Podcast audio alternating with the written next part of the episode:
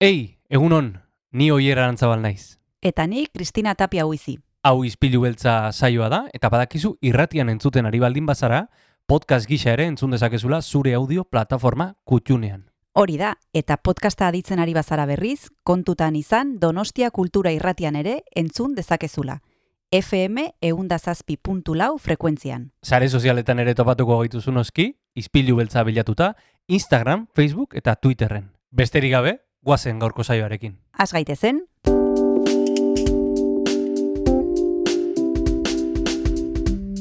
Ispilu beltza.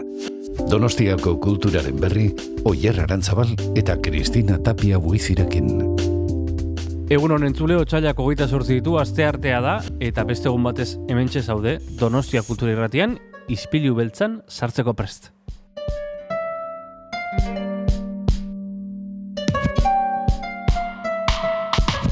Eta izpilu beltzean elkartzen gara, Kristina Tapia huizi, eta biok, eh, konpainia honean beti. konpainia honean eta ja otxailari agur esan ez oier. Hori da, hori da. Eh, esan izun, eh? Esan izun eh, konturatzerako, eh, eh, Udan ginela. bai, udan ginela, eta eta orain falta da, baina ikusiko ez, uda iritsiko da esango du, ba. Ja, en fin, en fin. Eh, Otsaila guk- itxiko dugu oso ondo, esan behar dizut, eh? Oier, atzo Bai. iragarri genuen ze duk izango genituen hemen izpilu beltzan, eta gaur hasiera emateko gogoratu behar diegu entzulei, batetik izango ditugula kresala zinekulpeko lagunak, hain Bai. zuzen ere Pedro Saldaña etorriko zaigu, de repente El Paraíso izena duen pelikula bat aipatzera, Elia Suleimanek zuzendutakoa duela hiru urte, Eta gainera, antzerkiari buruz hitz egingo dugu Orman Poster kolektiboko kide den Maite Aizpuruarekin, ze souvenir komeria estralurtarra ikusteko aukera izango dugu martxoaren lauan gaztezenan oier. Ze ondo, eh, sekulako eh, aukera izango dugu beraz, eta Bai. eta tira, eh, horrez gain Eta musika gainera hori da, dugu. hor- horrez gainera aipatu behar dugu, mm, beti bezala, musikaren inguruan hitz egiteko aukera izango dugula. Mhm. Musika hitz izango dugu, ze hasier errastik jartzen digu musika ederra eta bere baimenarekin ongi iruditzen baldin zaizu hasiko dugu harko saioa. Bagoazen izpilu beltzean sartzera, ea gaurko saioan zer ikasten dugu. Egun honen zule, gaurko saioari hasiera emateko estatu batuetara egin behar dugu jauzi. Mila bederatzi eta berrogeita amazazpigarren urtean, John Coltrane musikari handiak sortutako Blue Train albumari izen ematen dion kantua entzungo dugu.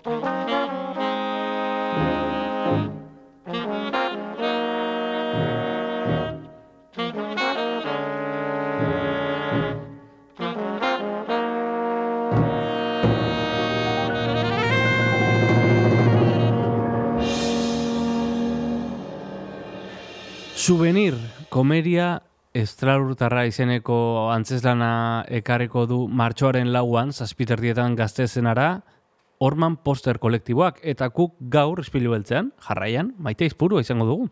Bai, maitea izpurua, badekizue, e, Orman Posterreko kolektiboko kidea dela, iaz, irabazi zuten e, antzerki saria antigone izena zuen lanarekin, eta orain ekarriko dute souvenir komeria estralurtarra, eta ikusiko duzu ze gauza interesgarria prestatu duten, eta horretarako komiatu dugu jarraian entzengo dugun maita izpurua. Guazen entzutera maitea izpurua, hemen, izpilu beltzean.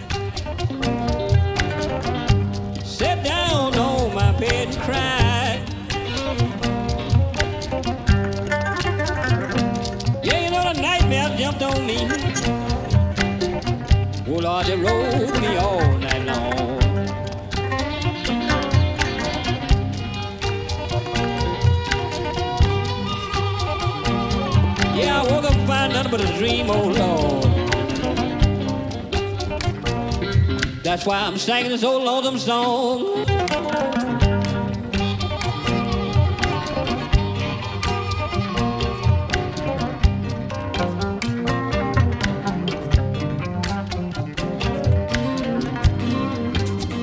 I don't care when you go, little one. I don't care how long you stay.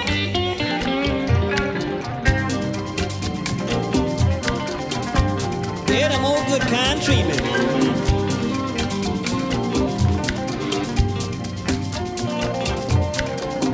They bring a woman back home one day.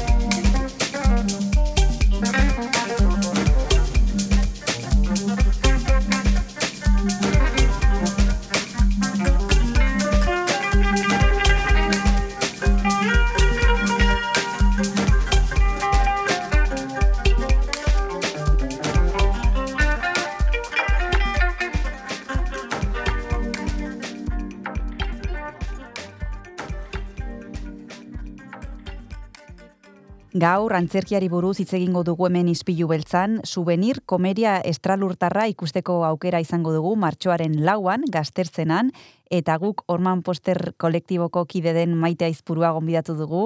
Egunon maite, zer modu zaude? Egunon, egunon. Bueno, e, esan bezala, martxoaren lauan, e, aurkeztuko duzu hemen donostian e, souvenir komedia estralurtarra Bai. izena duen ikuskizuna. E, ja, izenburuak esaten digu zerbait, baina nahiko genuke zuk asaltzea e, labur bilduz behintzat e, eta gehiagi kontatu gabe ere zer prestatu duzuen e, kasu hontan, zer da bertan kontatuko duzuena?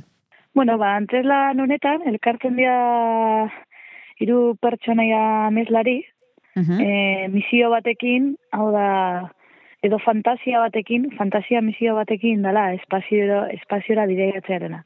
Mhm. Eta, bueno, ba horrek dakartzen zailtasunak ikusita, e, lurrean e, antolatzen dute olako kanpamendu analogo bat edo, astronauta analogoak dira, oda, Mhm. e, lurrean bertan astronautak izatera jolasten duten hiru pertsonaia hauek ba saiatzen dira e, nolabait esperimentu bat e, antolatzen ba etorkizunari aurre egiteko. Galdetu nahi nizun, maite, e, nola, zer, nola sortu zen proiektua? Batzuetan izaten da zerbait konkretua, batzuetan izaten da oso arnaz luzeko lan bat, e, kasu Bai. honetan, e, nundik dator e, proiektu hau? Ba, orain dela urte batzuk, e, orain dela badia ja e, bi hiru urte, e, azeginan interesatzen bidaia eta turismoan gaiagatik, Mhm. Eta, bueno, horre investigatzen nahi ginen pixka bat arakatzen, e, ba, konturatu ginen, bueno, ba, koste ite zitzaigula turismoan gaira edo bidaian gaira, ba, nola baite artetik edo antzerkigintzatik hori jorratzea. Mhm. Pixka, eta okurritu zitzaigun e, bidaia espazialen en, gaia hartzea nolabait e, ba, gaur egun en, ba, gure bizitzetatik iesteko edo degun horretatik iesteko en, urgentzia hori eta behar hori edo e, ikertzeko, gai horretan sartzeko. Mhm. Eta, bueno, ba, azkenean espazioa bidaiatzen fantasia hori, e, fantasia da, baina realitate bat da, bai, mundu mailako orden ekonomiko baten edo nola baiten e, bogan da gai bada, ba, ikusi Mhm. daiteke bai telebistan, edo Bai. edo zein etorkizunera behirako edo zein en, kampaina, propagandatan, incluso espazioan en, ikonoak edo espazioan simboloak erabiltzen dira askotan. Mhm. Eta bestalde ere bada nolabait e, gure lurronetatik iresteko edo fantasia bat. Azkenean e, ba, diskurso hauek ba, ez dago labe planetarik, e, mundu honen amaiera bizten nahi gehala, Hmm. baita ere e, oso presente daude ba, gizarte mailan edo politika mailan, Eta guk, ba, bueno, nolabait en, lurrean bertan nahi izan dugu harakatu zer dan aldi berean mundu ontatik irezi nahi izatea edo mundu honen ardura hartu alizatea. Pixka bat hortik. Maite, zuk aipatu duzu orantxe bertan, e, normalean gaia e, antzerkitik ez dela heldu edo e- ez da oso ohikoa e, zuen kasuan, prozesu honetan edo bideo honetan e, zerbait e, suertatu zaizue ba, zaila edo, bueno, beste modu batera esan da, erronkaren bat izan duzue, ba, bueno, e, e, kostatu egin zaizuena gainditzen? E, bai, bai, bai, bai.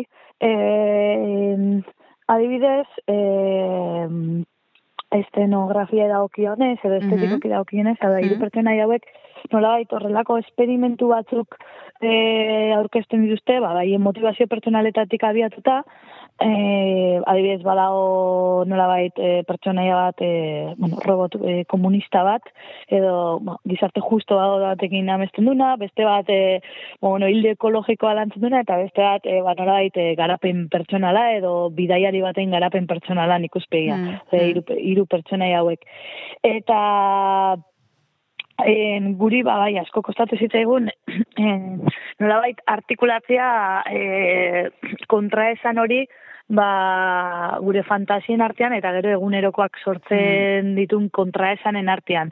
Mm. Eta hori nola eraman estenara ere bai, Mm. eta nola eraman estenara humoretik, hau da, gaia serio hartuta, baina, baina bueno, ba, gure burua berrikusiz pixka bat distantzia batetik eta eta ba, bueno, tartia utzi ez humoriei. Mm. Eta gero beste gai bat ere bai, e, badago lantzeslanean izan da kolonialismoana, azkenean e, espaziora bidaia nolabait e, iruditegi kolonialista batetik e, abiatzen da gaur egun, e, gehienetan, e, nolabait etor, planeta bat kolonizatzea edo espazioa bea e, kolonizatzea, eta bai, e, ba, bueno, en, guri bidaiari bezala edo turista bezala ba, gai honek e, argi genekagun nun kokatzen gintun, kokatzen gintun en, kolonizatzailean e, lekuan. Mhm. Baina nolabait e, bere ekintzen ondorio ez, edo bere ekintzen alde etiko eta moralez arduratuta daun kolonizatzaile baten e, papelean. Mhm. Eta, bueno, ba, zentzu horretatik historia berrikustea, edo gure genealogia konolia- kolonialista berrikustea, eta errontak planteatzea, ia posible dan e, nola baiteko espaziora bidaia bat itea modu epiko batean, e, ba, bai izan da, ba, bueno, ba, kolonialista rola edo gaur egun ba, bidaiari rola edo privilegiatu rola ba, bueno, e, ikertzeko leku bat. Hori Mhm. bai izan da erronka, erronka handi bat. Mhm. E, gai potoloak eta interesgarriak bota dituzu maite eta e, oraintxe bertan nahiko nuke batzuetan pixka bat e, gehiago sakondu, baina tartetxo bat hartu behar dugu eta hortarako e, musika jarriko dugu, baina segituan gara zurekin bueltan.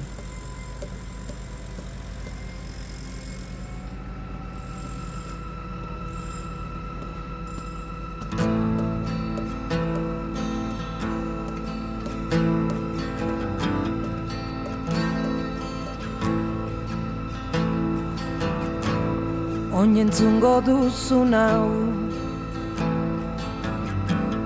Oinentzungo duzun hau Oiukatzen zun auzoak Funtzionariari langileak. Tabernariari mozkorrak. Oinentzungo duzun hau Esan zuen presoak oiukatu maitaleak. Matxaienak lurrari Erizainari gaxoak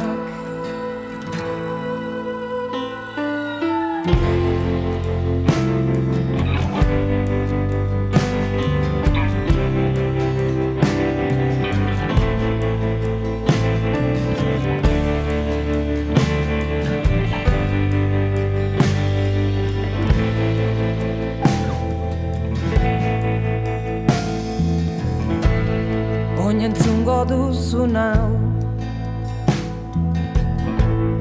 Oin entzungo duzu nau entzun zen behin irulegin Entzun zen oionen Entzun zen herri berrin.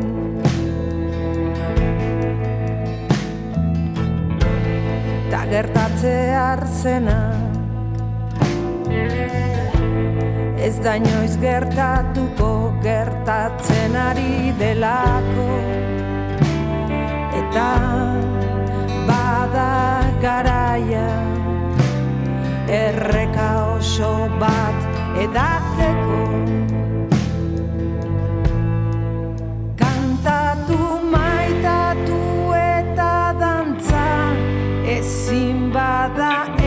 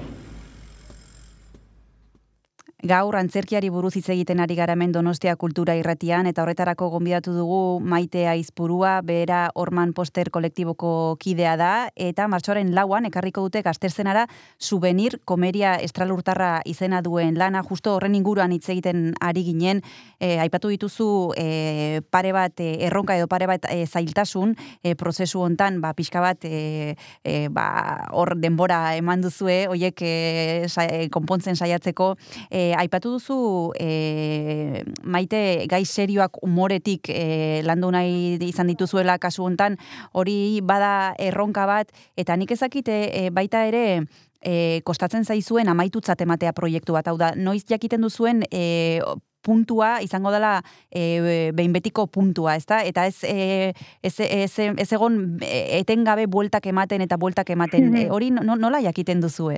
Uy, ba, ba, bastante talde, bastante talde komplikatua da gai horrekiko. E, e, kolektibo bezala, bueno, e, e, nahiko e, justo kide guztiak ba, bastante bastante fantasiosoak eta bastante e, motivatuak edo esango nuke Mhm. reala ba, gai asko, proposamen asko, eta guri e, asko kostatzen zaigu kolektibo bezala esatea, bueno, lana honeaino. Mhm. Orduan, en, e, muga askotan denbora jartzen dugu, Mhm. eskonaldi denbora. Mhm. Esango nizuke en, gusto asko, e, nola baite muga artistiko bat, edo prozesuan dauden momentu batean, esatzula jazta, honeaino. Beste lan batzukin gertatu izan da, baina zubenirrekin bereziki hainbeste gai naztutzen Mm. zitzaizkigunez, Mm. eta, bueno, ba, bastante bideiatu dugu alde batea guain, batea Mm. guain, bestea guain, nora, e, sorren prozesu luzia izan dugu, e, kostatu zaigu, esatia, oain bukatuta dago. Mhm. Eta, bai, nik uste dut e, muga publiko aurrean e, jartzea izan dela. Mhm. Bai. Bai. Ze, esan bezala gaiak ez dira erresak eta, bueno, aipatu dituzu kolonialismoa, Bai. bidaiatzearen kontzeptua, espaziora modu etiko batean Mm. ea e, gai garen e, ba, bidaiatzeko, eta ek, sinopsian ere aipatzen duzue kontzeptu interesgarri bat, eta da ekoantzietatea. Bai. E, kontatu eguzuk pixka bat horren inguruan.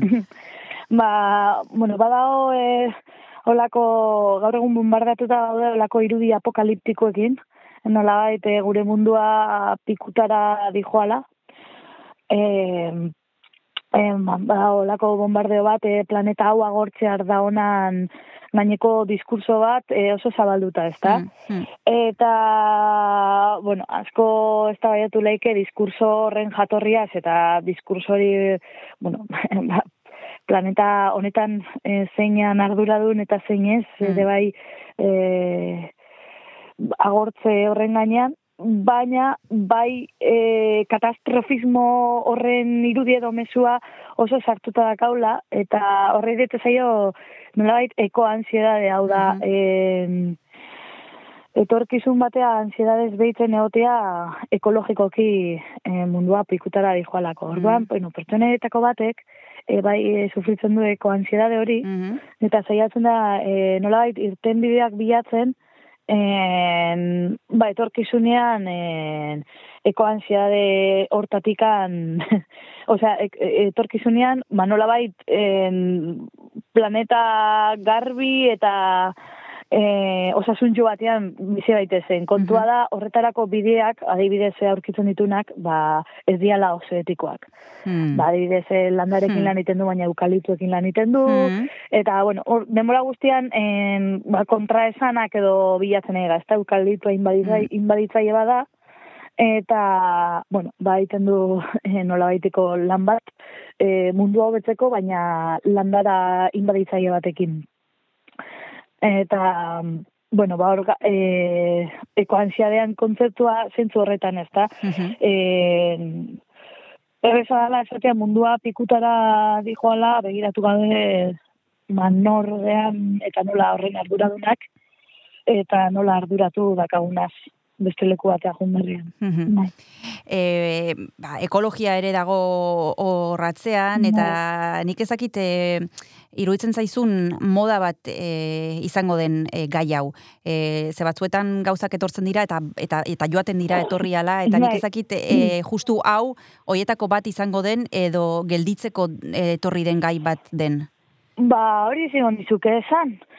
Ez dakit Hmm. neuk baina, hombre, garrantzitsua gai bat, bada, kontua da, ba, bueno, e, zuriketa berdea, Mm. edo, bueno, beste gauza batzukin, ba, femininoakin zuriketa morea, edo, ba, zuriketa berdea, edo greenwashing hori, e, bueno, azkenean, e, pilo bate mugimendu ekologista, ekofeminismotik ere daude, e, baina, baina beti hartzen du botereak edo gobernantzak edo kapitalismoak beti Mm. ganatzen du e, Hmm. diskurtso irautzaile edo kritiko hori e, beriak iteko eta hain gaur egun ba, hori agenda 2030 hamar eta horrelakoak ba, bombardeatuta gaude Mhm. hoiengatik eta guk ere horregatik e, neurri batean hartu dugu gai hau iskinin berrian e, ba nolabait hartu gaia eta saiatu kritikoki eta humorez begiratzen eta esaten, bueno, bai, hau mai gainean dago, baina e, nondik eta nola. Ba, oso gai interesgarriak eh, aipatzen eh, dituztenak hemen eh, orman poster kolektiboko kideak, gu justo maitea izburua daukagu gaur gurekin, tartetxo bat hartuko dugu eta segituan gara berarekin hitz egiten.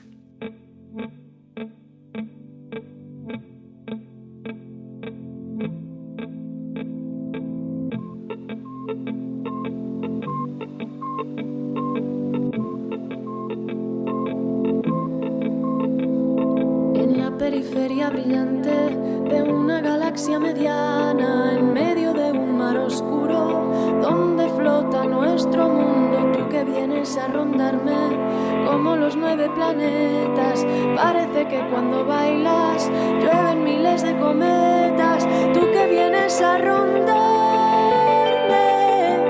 Amárrate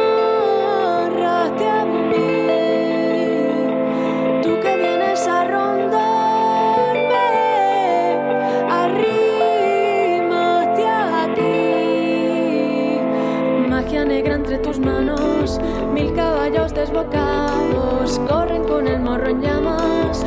El fuego baila y tú cantas, lamen lunas desorbitadas, las mareas, mareadas. Así me sigues al trote y de cabeza al galope. Magia negra entre mis formas, suben hormigas se enraman, romeros de sierras altas, fresco el aire que me canta, abierto las ventanas, beben cientos de gargantas, mientras alzas con la mano el vino que todo sana, tú que vienes a rondarme,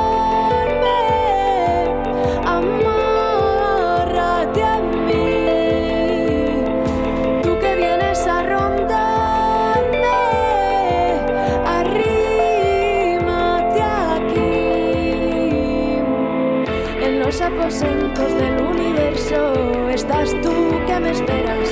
Mi piel se llena de chispas que saben a flores y a lenguas, magia negra entre tus manos. Altos jazmines se enzarzan, amarran nuestras caderas, vuelan hacia las esferas, fuentes de estrellas antiguas, santiguan nuestros galeos, arden en llamas azules todas las voces del universo con nosotros.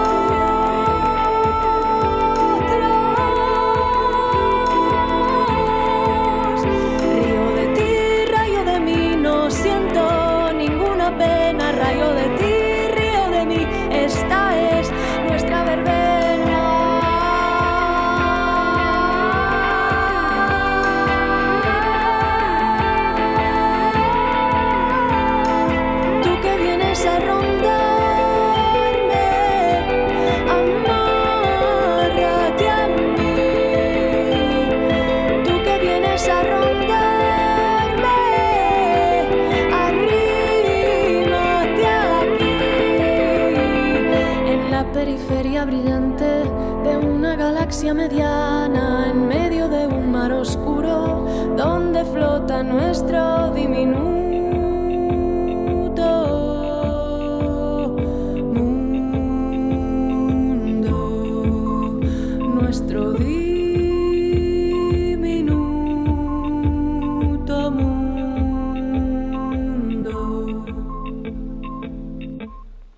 Souvenir komeria estralurtarra dugu gaur izpide, Orman Poster kolektiboko kide den maita izpurua daukago gaur telefonoaren beste aldean, Donostia Kultura irratira gonbidatu dugu, martxoaren lauan, arratsaldeko zazpiterritatek aurrera aurkeztuko baitute antzeslana gaztezenan, eta ari ginen hitz egiten hainbat kontzeptuen inguruan, em, galdetu nahi nizun, e, maite, zuek e, Antigonerekin e, Donostia antzerkia, Donostia antzerkia saria irabazi zenuten, Bai. eta hemen izan genuen kolektiboko beste kide bat e, momentu hartaz hitz egiten, nik ez dakit zertarako balio izan dizuen e, sari hau, e, eta oroar e, ba, itzonek eta sariek zertarako balio duten, ze iruditzen zaizu, ze ez dakit sari ura izan zen inflexio puntu bat edo ez, ez dakit Bai. zuen, zuen ibilbidean. E, bueno, ba, saria sorpresa handi bat izan zen, lehenengo, eta gure lehenengo lana zan, egia da orman posterrek e, amabi urtetako ibilbidea Hmm. dakala, baina e, ba, hiru gaztetxoa sartu ginenetik, e, oain dala iruzpa urte, lehenengo lana izan zen bostok batea, Mhm. eta saria oso pozgarria izan zen, batez ere, e, ba, bueno, ba, zirkuito komertzialitatik nahiko kanpo dagoen lan bat, e, estetikoki en, oikoa ez dan lan bat, e, saritu zalako, e, eta baita gurire eman zegoelako, beti dalako posgarria zaila jasotzea, baina baita ere, saritu zan hausten dut, izan zala en, apustu bat estetikoki ba, beste, beste bide batzuk eh, jorratzeko, antzerkigintza garaikideai bizibilidade pixka bat emateko, euskerazko antzerkigintza garaikideai, eta guria bezalako konpainia txikiei ba iteko modu nahiko artesanoak eta propioak dazkenak ba ba nolabait ikusgarritasuna eman eta lekutxo bat iteko. Eta ba bai, egia esan da e, baliogarria izan da, agian e, nahiko genuke baliogarriagoa izatea ba, emanaldi kopuruei dagokionez, Mm. ze hori da e, konpainia gehienon burruka, Mm. e, lengurtean e, saria irabazte, irabazita oso emanaldi gutxikin segiten deu lan berri honekin. De hecho, azkenengotako aukera da, oraingoz, e, martxoak e, e, laukoa Mhm. donostian, Mhm. zuben irrantzez lan ikusteko. Baina, baina bestalde, ba, bai izan da baliogarria, rekonozimentu bat, eta, eta bueno, eta baita ere, sare, azkenean orman poster, poster da, baina saretuta Euskal Antzerki gintza garaikidean, ba, jende asko dago, eta nik uste dut, pixkanaka, pixkanaka, junongo jala donostia antzerki saria bezalako ba, beste konpainia mota batzuk jasotzen ba, txikiagoak, edo beste forma batzuk azkenak iteko Hmm. hori da beti da positiboa. Maite, ipatu duzu zuen e, borroka hundiena da e, ba, emanaldi gehiago lortzea. Bai. Zein arazo edo zein zergatik e, e, ez dira e, emanaldi gehiago lotzen? Ba, bueno, haue haituko bali eguen bertan, baina, e, bueno, faktore asko daude, baina orokorrian e, esan laik antzoki sare bat e, badagola Nafarrokoa ez dute beste kontrolatzen, ea hementzat e, e, badago antzoki publiko sare bat, badago inbertsio bat, badago diru publiko bat, Bai. programaziora dedikatutakoa. Kontua da, konpainia gehienok oso gutxi programatzen gaituztela, eta konpainia gutxi batzuk asko programatzen Hmm. diala, eta, Hmm. ba bueno, e, hor dago alde batetik gaur egun asko erabiltzen da mm, e, aitzaki hau da, jendea e, e, oso gutxi doala, teatrora, horregaitik e, ba, ba, telebistako aktoriak, edo aktori ezagunak, edo oso antzerki formatu konkretuak, e, azken konpainiak e, programatzen dituztela, jende gehiago jundaien, baina egia esan hori trampa bada, e, kulturako inbertsio publikoa beti da neurri batean errentagarritasunetik begiratu berrez dana, hau da, en, sarreretan edo dana delakotan, e, inbertsio publikoa normalean ez jasotzen diru haueltan, beste inbertsio mota bat izan beharko litzateke, izan beharko litzateke en, egiteko moduak, e,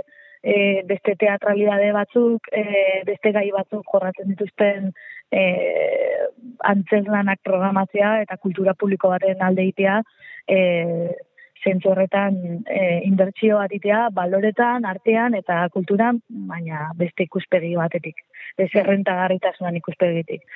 Eta gero gaina, nik bintzat konprobatu detena da, e, publikoak asko eskertzen dula en, e, zerbait ezberdina ikustea juten danean. Hmm. Gero jendea bueltan etortze zaizu. E, guk antigonea didez donostian lau aldiziteko aukera oke genuen. Hmm. Kompainia bastante ezaguna izan da en, teatroa bastante bete genuen e, lauretan. Bai. Eta, Jesus, parrandan joan bakoitzean, e, flipatzen dut, e, zenbat jende hurbildu zaiten, esaten, eske ikusi dut antigone, irakurri nun liburua eta berriz junitzan, Mm. eta ez nun espero, eta emozionatu zian, baina ziren nun ulertu, hau da, e, zerbait e, emozionatzen zaituna eta impactatzen zaituna eta interesgarri, interesa pizten dizuna, ba, ba, uste dute horretan apostu publikoa egin litzatekela, eta publikoak asko eskertzen dula. Hmm. Eta hori landu beharreko gauza da ezin dezu espero, egun batetik bestea em, publiko pilo bat jutia teatro batea, eh, gutxinaka gutxinaka landu beharreko gauza da, eta, eta, bueno, ez dakiten antzun dizuten. Bai, oso ondo Baina- erantzun didazu, ze aipatu Bai. dituzu hainbat eh, faktore, eh, kasu hontan eh, eragina Bai. daukatenak eh, esandako arazoan eh, jarri dezu hor fokua Bai. eta eta bueno, ba, kasu hontan eh, Antigonerekin eh, ba, lau emanaldi izan zenuten Donostian eta esan bezala eh, kaletik jendeak gelditu izan dizu maite zoriontzeko Bai, bai, pasa bat izan da, bai. Eta espero dugu subenirrekin ere gauza bera gertatzea. Ea e, lortzen dugun momentuz, emanaldi bakarra daukagu donostian, ea gehiago ateratzen diran, eta Euskal Herriko beste leku batzuetan ere bai noski, esan bezala martxoaren lauan, arratsaldeko zazpiterdietan, gazterzenan, e, subenir komeria estralurtarra, orman poster e, kolektiboko kideek e, daukaten e, proiektua edo proposamena, Eskerrik asko maite aizpurua Donostia Kultura Irratira hurbiltzeagatik eta besarkada bat urrengor arte. Bai, eskarrik asko, bai. Agur. Agian, agian egun batez jaikiko dira hasten ziren matala zen azken hitzak. Gure izaitearen destino krudelean eraman gintuzten agian zugarra murditik. Baga, biga, iga, laga, boga, sega, agian zaraustik, ikimilikiliklik. Urepeleko hartzainari non agoka ari ginela errezizkiguten titipuntak, eta ipurtzuloak burdinez lertu zizkiguten ez dira betiko garai honenak oiukatzen genuela. Herriko bat eraman zutenean, berekin zeuden ondarrutarrak boga-boga kantatzen hasi omen ziren, buah! Altzateko jauna begira genuela hortzela nunbait, bere lurrera itzultzeko zai, orbaitzetako armaolako horma zaharrek dardar egin zuten iratiko basoan, eta basoilarrak kantatu zigun, zaindu maite duzun hori, zaindu maite duzun hori, bere terretxe hoetik atera zuten argi urdinez borda batetik bertzera zebiltzanak, gau amaigabe bat baino latzago, ta eun urtea baino gehiago ezagutu ditugu. Gernikako arbola da bombardeatua, Euskaldunen artean guztiz maitatua, eta Gernikako ondakinen artetik eraman zuten lau aseta. Goiz eder hontan erail behar nabe idatziko zuen ziegan fusilatua izatera atera aurretik. Azken oiua, dana emon bihar jako maite dan askatasunari. Eta itxasontzi baten Euskal Herritik kanpora garamatzatela ez dakin nora, gure seme alabak itxasertzean eduki ditugu, aingira eta itxastrikuen eskumendean.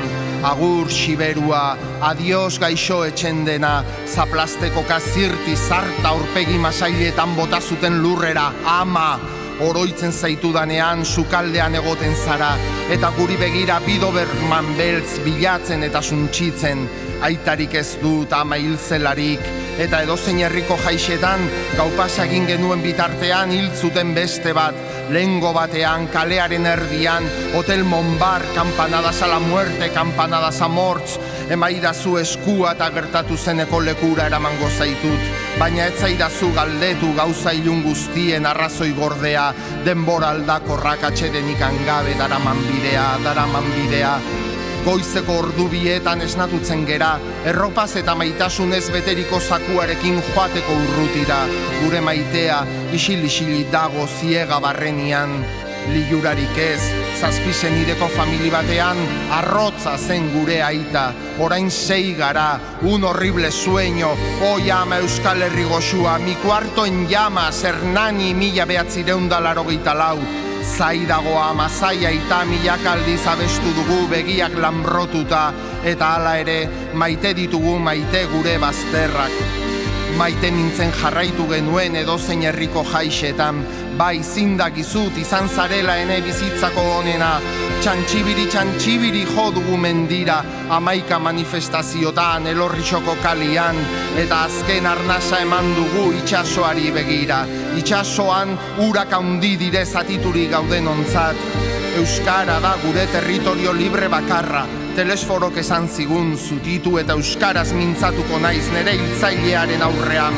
Morz pour la patrie, euskaraz baino ez dakiten oiei, morz pour la patrie, gure abuelek ez zekiten euskaraz, baina bazekiten lauaxe eta hil zuten eskuberdinek hil zutela Federico García Lorca, eta gu vuestras nietas y nietos de Extremadura, gallegos, castellanos, maquetos, manchurrianos, de Andalucía entera como Marinaleda, guk los chachos de vuestros genes, Euskal Herrian Euskaraz nahi dugu hitz eta jolas, Bahía de Pasaia da gure playa Giron, compañeros poetas eta Bobby Sanz eta irri egingo duten Irlanda remakumeen aurrak gure mendekua ere badira eta berriz min hau zeren eta batek goze diraueno ez gara gu asetuko.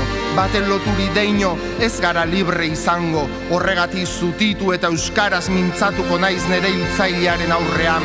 Eta jala jala ramala dantzatzen dugunean hotza maigabe bat baino latzago datorkigu odolaren usaina violentziaren erresumena ez ez dugu nahi horrelako zibilizaziorik. Onar genezakeen gure egoera.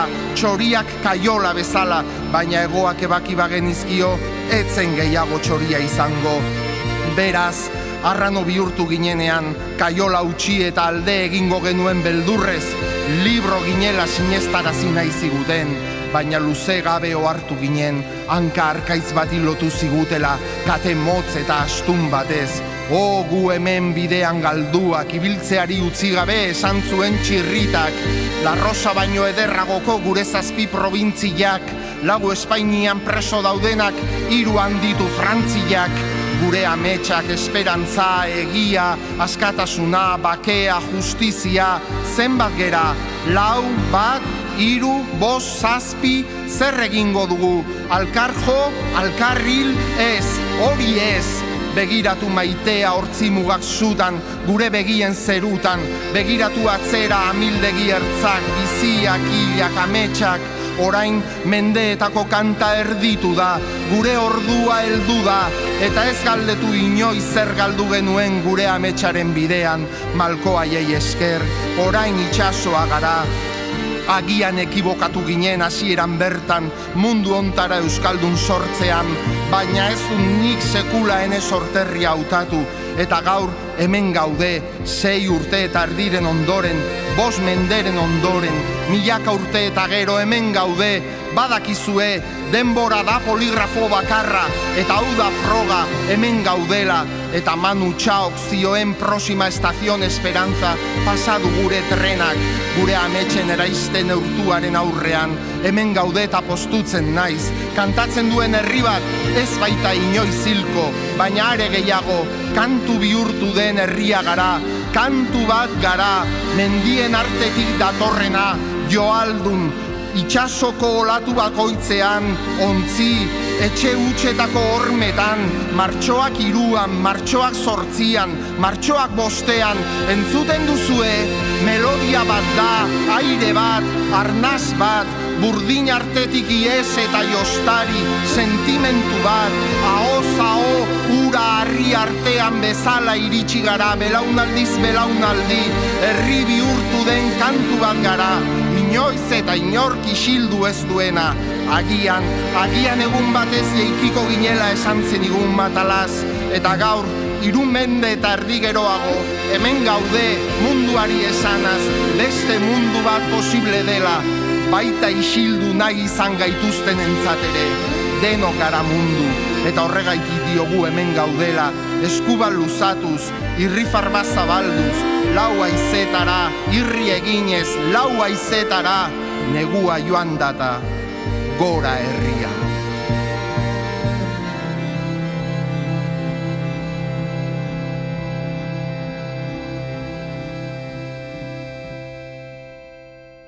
Aste artea da, entzule, badekizue aste artetan eta ostegunetan zinemari buruz aritzen garela hemen Donostia Kultura Irratian, aste artetan Kresala Zinekloren txanda da, eta gaur Pedro Saldaña daukagu telefonaren beste aldean, gaur arratsaldean jarriko dutelako trueba zinemetan, De repente el paraíso izena duen pelikula, e, Elia Suleimanek e, zuzendutako pelikula, eta ipatu behar dugu koproduzio bat dela, Palestina, Frantzia eta Kanadako, ar, Kanada artean egindakoa.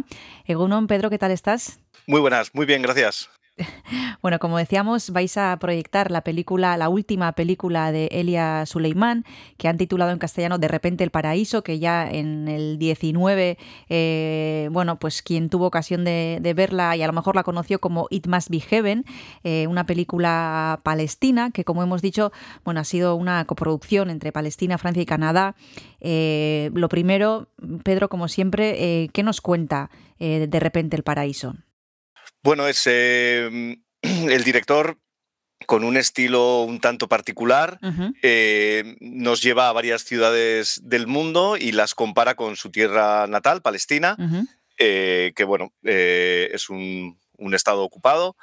y digamos que encuentra en, en, otros países, en París, por ejemplo, y en Nueva York, eh, ciertas similitudes con eh, la realidad que, que, él, que, él, vive en Palestina. Siempre, también hay que decirlo, todo mirado desde un punto de vista eh, humorístico, a veces grotesco, a veces surrealista, mm. pero digamos que intenta comparar cómo son las distintas culturas parecidas entre sí y, y, cómo todos los seres humanos acabamos haciendo cosas muy absurdas.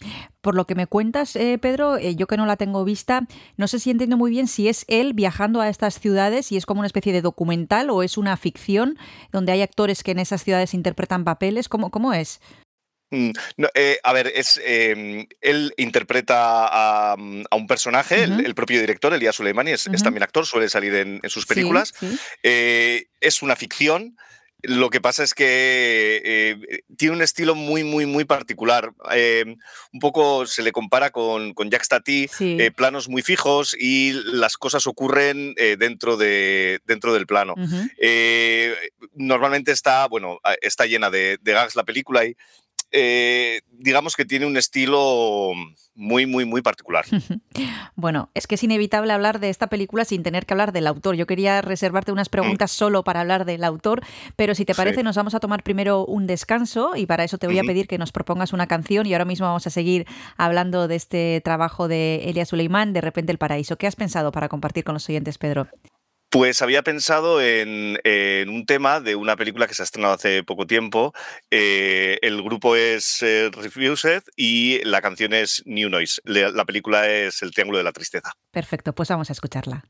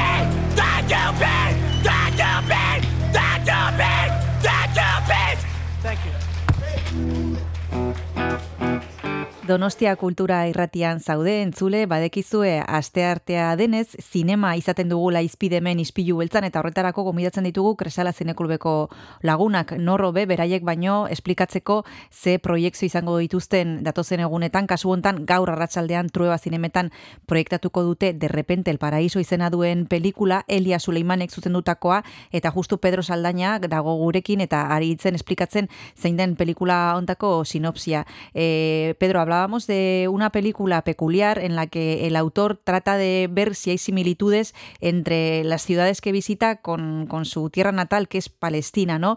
Eh, tú has hablado de comedia, pero en la ficha está descrita como drama. No sé si es ambas cosas o sobre todo una. Mm, Sí, yo, yo a priori diría que es más comedia. Y para ilustrarlo, por ejemplo, pues algunos de. Voy a comentar algún gag de, de la película. Hay uno que a mí me parece muy bueno, que es eh, él cuando viaja a París. eh, se supone que es el 14 de julio y eh, hace un plano de, del Banco de Francia, de la sede del Banco de. Francia, de la puerta, y justo por delante de la puerta pasan tres tanques. Claro, da la sensación de que lo que pretende transmitir es que lo que más eh, se protege en París, y podríamos extrapolarlo a, a este país y a, y a tantos otros, es el dinero. El dinero y los bancos, quiero decir, mm, está siempre, eh, digamos que con una mirada ácida y crítica sobre, sobre nuestras sociedades. Y mm, yo diría que es más humorístico. Lu- Luego también tiene gags más eh, puramente... eh, puramente humorísticos sin, sin entrar quizás tanto en, en esa crítica. Hay otro momento en el que hay un desfile de caballos, también en el 14 de julio, y justo detrás del desfile de los caballos va un barrendero eh, mo- motorizado recogiendo, recogiendo la, la mierda del caballo que se acaba de caer. Y también pues, se produce, quiero decir, eh, el caballo se supone que es algo mu- muy bello y que, y que en ese Mm, desfile tiene que mm. ser todo perfecto y justo después está pasando el camión de la basura para eh, tener que recoger los excrementos de, de los animales porque eh, eso afea eh, el entorno y, y le quita eh, eh, cierta epicidad al momento eh, caballo y, y soldado a caballo. Sí, sí. Eh, no sé cómo es su interpretación. Pedro, decías que él es el personaje principal y ¿cómo, cómo, cómo lo hace en esta Mm. película? Pues habla muy, muy poco. Y en general, habla, es un. En eso también se parece bastante a, a Tati. Es un personaje que deja que los demás interac- interactúen con él. Quiero decir, él simplemente observa y luego hay cosas que a veces le repercuten y hay otras muchas que simplemente ve la vida pasar y las cosas que le pasan a, a terceras personas. En ese sentido, tiene una manera de, de actuar en la que tiene que estar eh, impasible.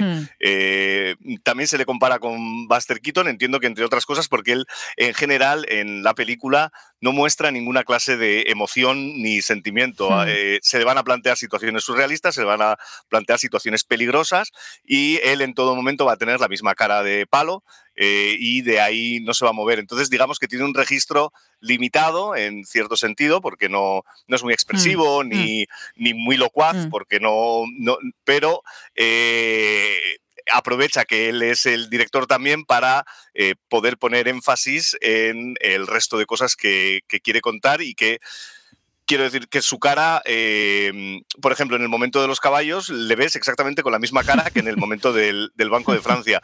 Y, pero tú eh, te ríes en, en los dos momentos. Quiero decir, él de alguna manera busca la complicidad con el espectador, pero en este caso haciéndose la persona seria, la Mm. persona que no se ríe y que, y que observa eh, entre admirado, preocupado o, o con alguna emoción, pero que no es capaz de, eh, no quiere transmitirnosla. Tenemos que recordar que esta película de Elia Suleiman, que es del 19, fue elegida en el 20 por Palestina como candidata a mejor film internacional en los Oscar, Ujú. que estuvo en ese año 19 en Cannes, que tuvo una mención especial y el premio Fipresti. También estuvo en el Festival de Sevilla, una, una película bueno, que ha tenido su, su recorrido. Eh, has mencionado varias veces que hay personas que lo asemejan a, a Tati y a Buster Keaton. En tu opinión, ¿es, es así? Sí, a ver, eh, el, hum- el humor de Buster Keaton es mucho más físico en el sentido de que él eh, era un atleta y muchos de sus gags tienen que ver con eso. Me estoy acordando de Mm. Las siete ocasiones, por ejemplo, o bueno, un montón de películas, El maquinista de la general, en la que eh, él interactúa mucho más con los objetos que tiene alrededor y con las cosas que tiene alrededor. En ese sentido, Elías Sulaimán es más eh, Jack Stati, eh, ve las cosas ocurrir. Me estoy acordando, por ejemplo, el célebre gag eh, de los... Hay unos niños en Mi tío que silban cuando la gente pasa por la calle justo al lado de una farola para que se choquen contra la farola. Mm. Eh, Elías Sulaimán es, es más de ese estilo, es más de observar a otros haciendo, haciendo cosas. Eh, sale mucho la, mm, la policía también en, en la película y me da la sensación de que su concepción de la policía también es un poco como la de eh, otros tantos grandes directores tipo Charles Chaplin o Hitchcock que siempre digamos que se burlan un poco de, de la labor policial. Los policías nunca son los más listos en, eh, en estas películas. Quiero decir, los policías rasos, ¿eh? No, Mm. quiero decir, si el protagonista es el investigador en alguna película de Hitchcock o lo Mm. que sea, pero en general en, en Hitchcock también es célebre en, en una película que se comete un asesinato y lo que hace Hitchcock es eh, enseñar el exterior y ver cómo un policía eh, hace tranquilamente la ronda, totalmente ajeno a que se esté cometiendo un asesinato. En este sentido, Sulaimán también nos muestra a la policía, bueno, ya, ya lo va a poder ver la gente, pues un poco, además la de todos los países. La de Francia es mucho más moderna, pero también eh, mm, vamos a sentir vergüenza ajena o, o- o el- un poco como de ridículo de, de- de lo que estamos viendo. Pues si te parece, Pedro, nos vamos a tomar el segundo descanso antes de terminar de hablar de De repente el paraíso. Antes nos has propuesto una canción de Refused que se llamaba New Noise y ahora no sé qué has pensado. Mm, Pues eh, como estamos, bueno, ya empezamos a estar cerca de- del Día de la Mujer, había pensado en una canción de Cindy Lauper, eh, Girls Just Wanna Have Fun, que es una canción que me gusta mucho y que hay que reivindicar. Perfecto, pues vamos a escucharla.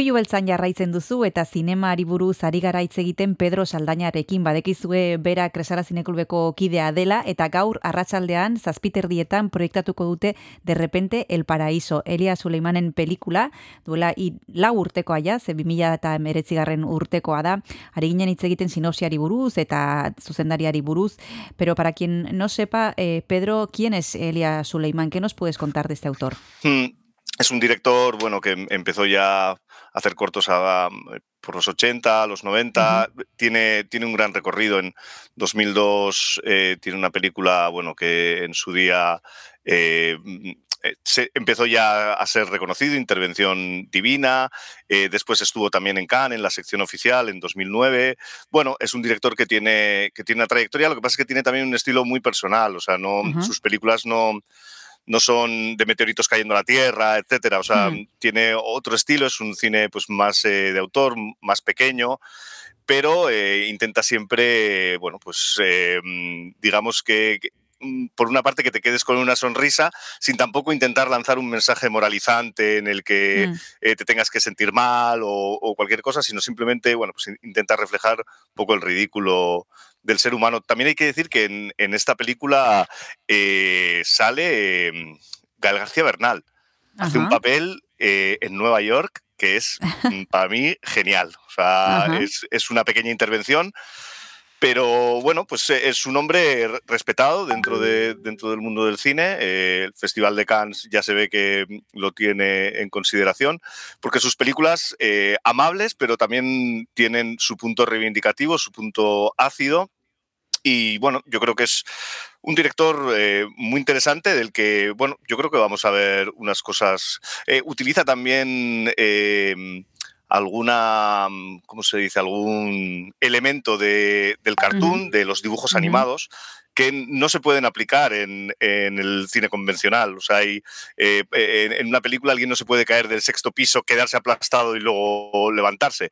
En Mm. algunas películas tipo eh, Aterriza como puedas, etcétera, a veces sí que se utiliza este tipo también de, de humor. Las películas de Frank Tasling de los años 60 y demás.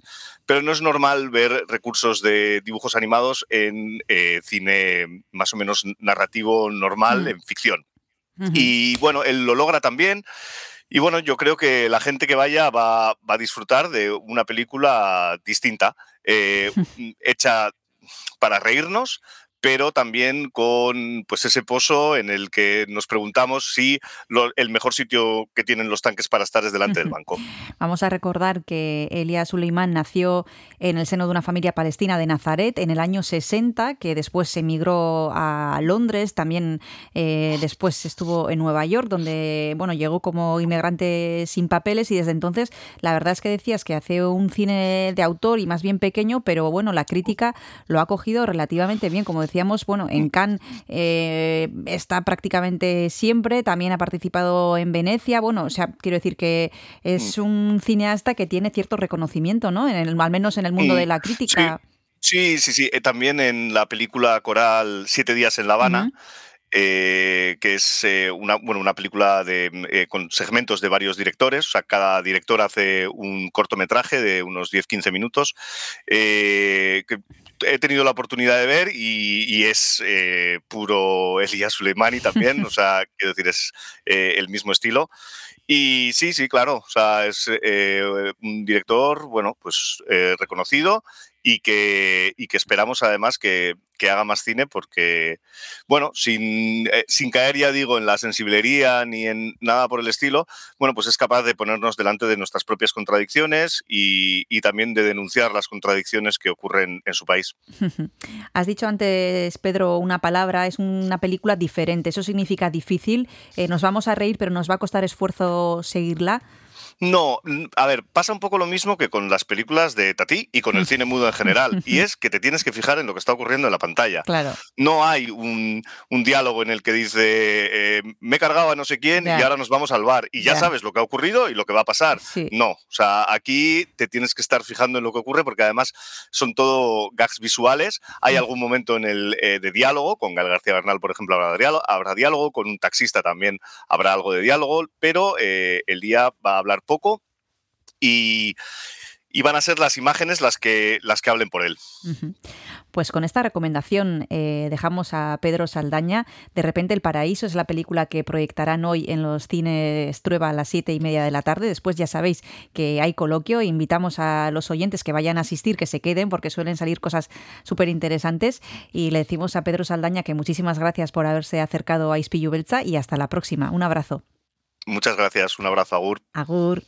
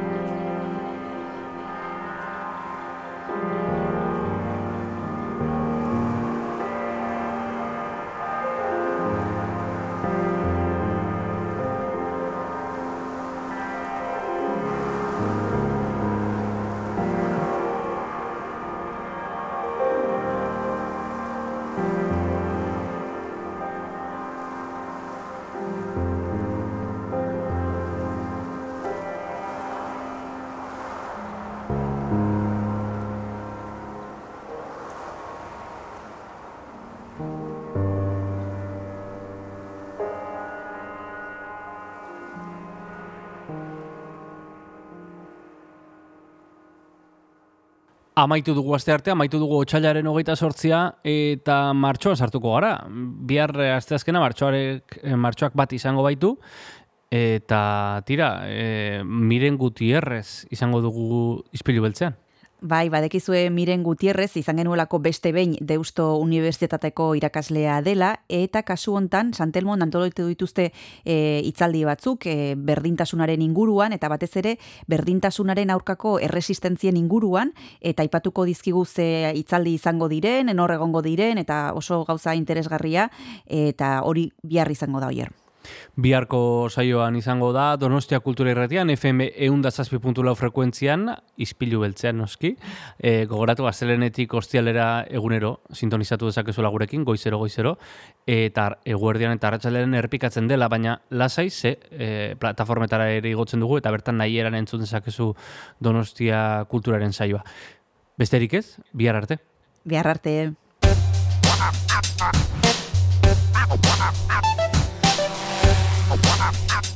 Donostia Kultura Irratia. Zabaldu gurekin Donostialdeko kulturaren leioa.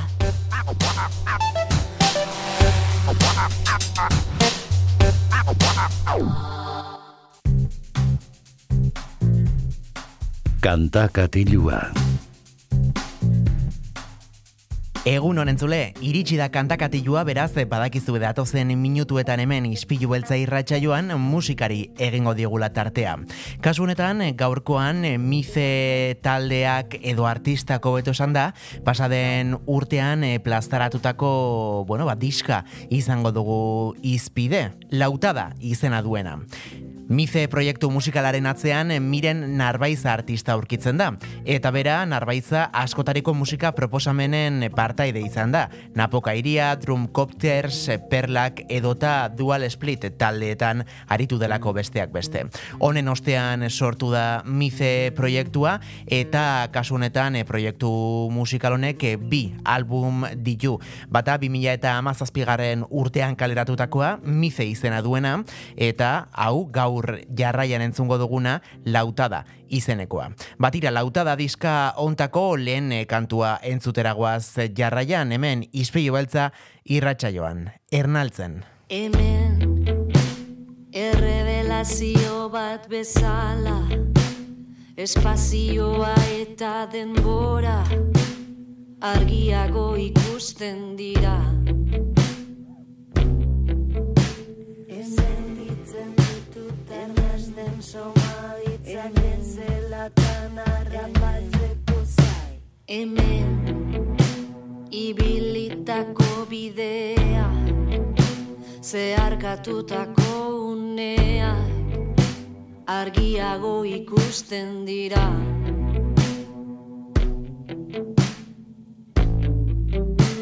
Hemen gogoan nahi beste luza filamentu arteko utxa errez beteko zenuke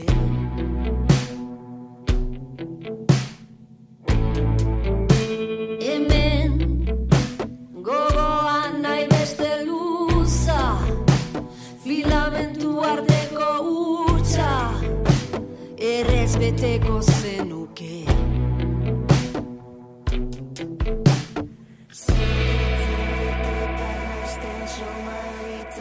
Zelatan harrapatzeko zai Sentitzen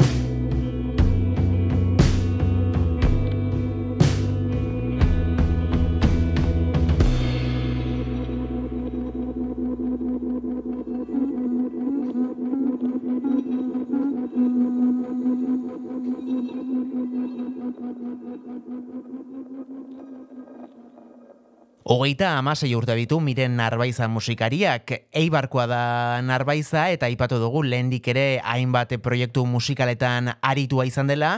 E, kasu honetan, e, Mize taldea 2000 eta amazazpi garren urtean izan zen sortua, e, bertan kaleratu zutelako euren lehenengo albuma, eta entzuten ari garena gaur hemen ispilu beltza irratxa joan, 2000 eta hogeita bigarren urteko lautada bigarren albumeko kantuak dira. Ernaltzen kanta entzun berri dugu, orain, inor begira izan da ere, kantuaz gozatzeragoaz. Inor begira izan da ere, berdin egin nahi nuke. Inor begira izan da ere, berdin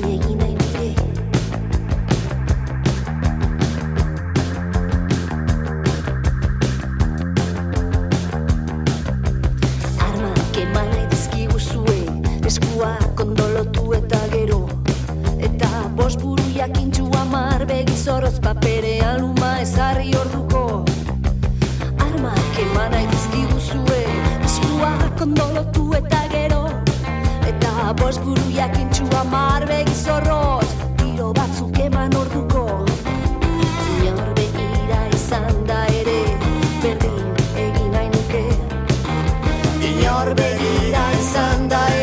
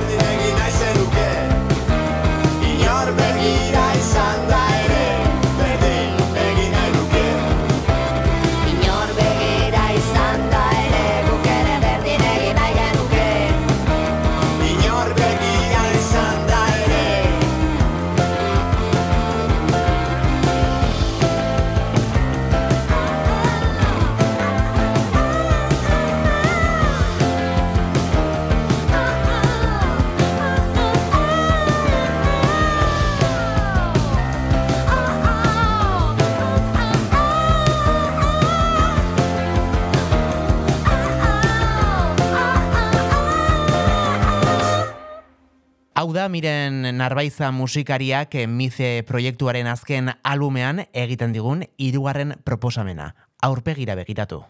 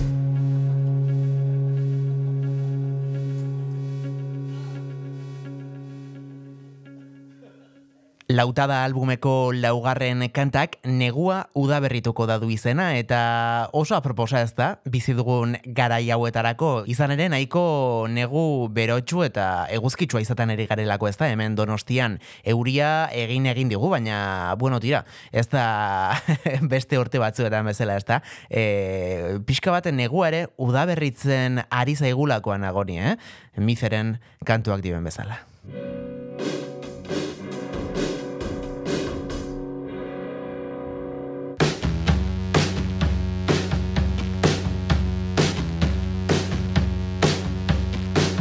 Izpi bakoitzak marra bat. Izpi bakoitzak tanta bat. More urdin gorri hori.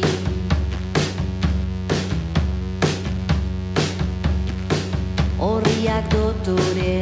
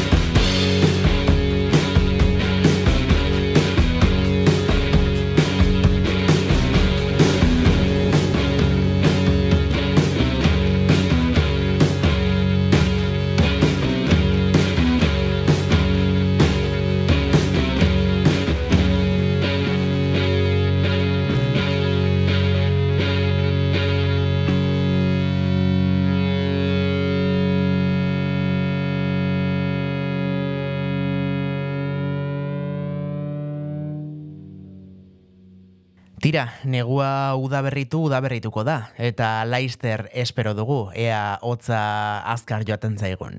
E, kanta honen ostean, emiren arbaizak beste registro erabat ezberdinaiko proposamena egiten digu, lauta da diskan, mintzaira kantuan.